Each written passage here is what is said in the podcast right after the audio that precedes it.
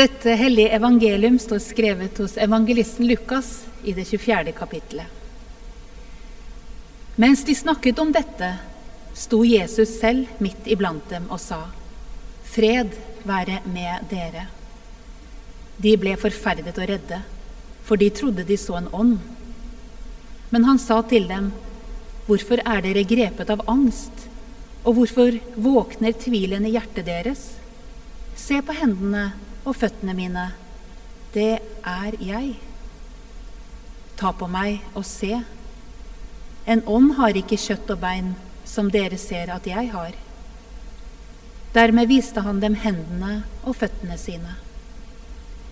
Da de i sin glede ennå ikke kunne tro, men bare undret seg, spurte han dem, Har dere noe å spise her? De ga ham et stykke stekt fisk, og han tok det og spiste mens de så på.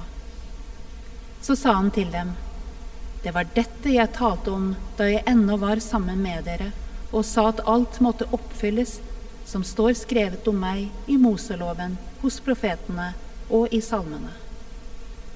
Da åpnet han deres forstand, så de kunne forstå Skriftene. Slik lyder det hellige evangelium.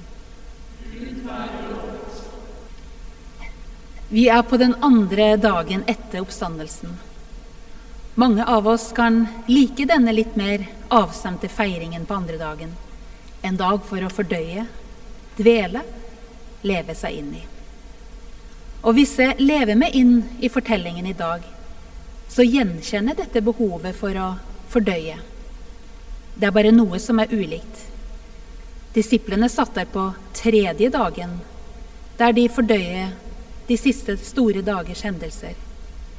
De fordøyer store, såre følelser. Kanskje både skuffelse, sjokk og skam, ikke minst sorg. Å ha behov for å fordøye det overveldende som skjer, enten det er tragiske eller gledesfylte hendelser, er noe som følger oss menneskene. Vi fungerer best når følelser, erkjennelser og tanker henger sammen, eller er i noenlunde lik takt. Vi trenger å ha språk for det vi erfarer, og det kan det ta tid å finne ut av. Ofte makter vi ikke helt å få det til heller. Og enda mer komplekst blir det når vi også ønsker å komme til rette med en tro eller et håp i møte med alt. Andre påskedag anerkjenne alt dette. Anerkjenne tiden det tar. Å fordøye var også en utfordring for de første andre påskedagsmenneskene, skal vi se. Men tilbake til fortellingen. Den ene gjengen sitter der underaktivert, lammet, slitne, lav energi. Så kom en helt annen energi inn det er gjennom de to som allerede har vært ute på veiene. De som trengte bevegelse for å fordøye. Helt til Emmaus hadde de gått. Walk and talk er en eldgammel form. Godt for hode og kropp. På veien hadde de møtt en fremmed som hadde fylt dem med noe. Både behov for å vise barmhjertighet, men også glede. Bli hos oss, sier de. Vær vår gjest. Gledens Herre, vær vår gjest ved vårt bord i dag. Og det er der, ved bordet, at det skjer. Gjenkjennelsen. Her i brytningen mellom disse to energiene er det at vår prekentekst starter i dag. Vi befinner oss på dørstokken mellom to rom. Rom av ulike stemninger. Glede og bevegelse i det ene, og nedstemthet og stillstand i det andre. Kanskje også kjente rom for oss her vi er i dag. Men jeg er glad for at det som skjer nå i fortellingen, skjer uavhengig av de rommene som er der fra før. Verken glede eller resignasjon gjør en forskjell. Den oppstandende bare trer inn og lager et nytt rom. Fred. Fred være med dere. Det forteller meg om et viktig kjennetegn for oppstandelse, og er kanskje en trøst til alle oss som har tenkt at vi burde være drevet av en særskilt glede på påskedagen og andre dager i kristentroen. Men glede trenger ikke å gå i takt med troen. Det er fint når gleden vil være vår gjest, men det er ikke lett å vite når den kommer eller går. Og verken fravær eller nærvær av den gjør oss mer egna til å tro. Det er en setning jeg har lagt merke til i teksten i dag. Da de i sin glede ennå ikke kunne tro, men bare undret seg. Glede gir altså ikke nødvendigvis større tilgang til tro. Troen er det den oppstandende som skjenker og gir, uansett. Fortellingen er også en trøst til alle oss som tenker at vi i større grad skulle lukke opp noe i oss sjøl for å ta imot troen. Kanskje særlig når det gjelder oppstandelsestro, er det lett å tenke at vi skulle legge til side våre behov for logiske tilnærminger og lukke oss opp for det overnaturlige. I denne fortellingen finnes håp i at den oppstandende finner fram likevel, uansett hvilke tankerom vi sitter i. Den oppstandende, hvis vi velger å kalle ham det, eller den som har vendt tilbake til livet, eller den som har vist at kjærligheten er sterkere enn døden, finner fram og er ikke engang avhengig av at dører skal lukkes opp. Det går en bro fra skjærtorsdag til denne påskedagen. En bro over en avgrunn i adskillelse og død. En bro det tar vel tre dager å gå over. Men på begge sider av broen fins måltidet. Måltidet fins ved start og ved mål. I skjærtorsdagsnatten lengter Jesus etter å spise måltidet sammen med vennene sine. På andre påskedag er det også lengsel mot et måltid, men mest fordi den oppstandende er sulten. Kanskje ikke så rart. Den oppstandende har ikke fått i seg mat på flere dager. Har dere noe å spise?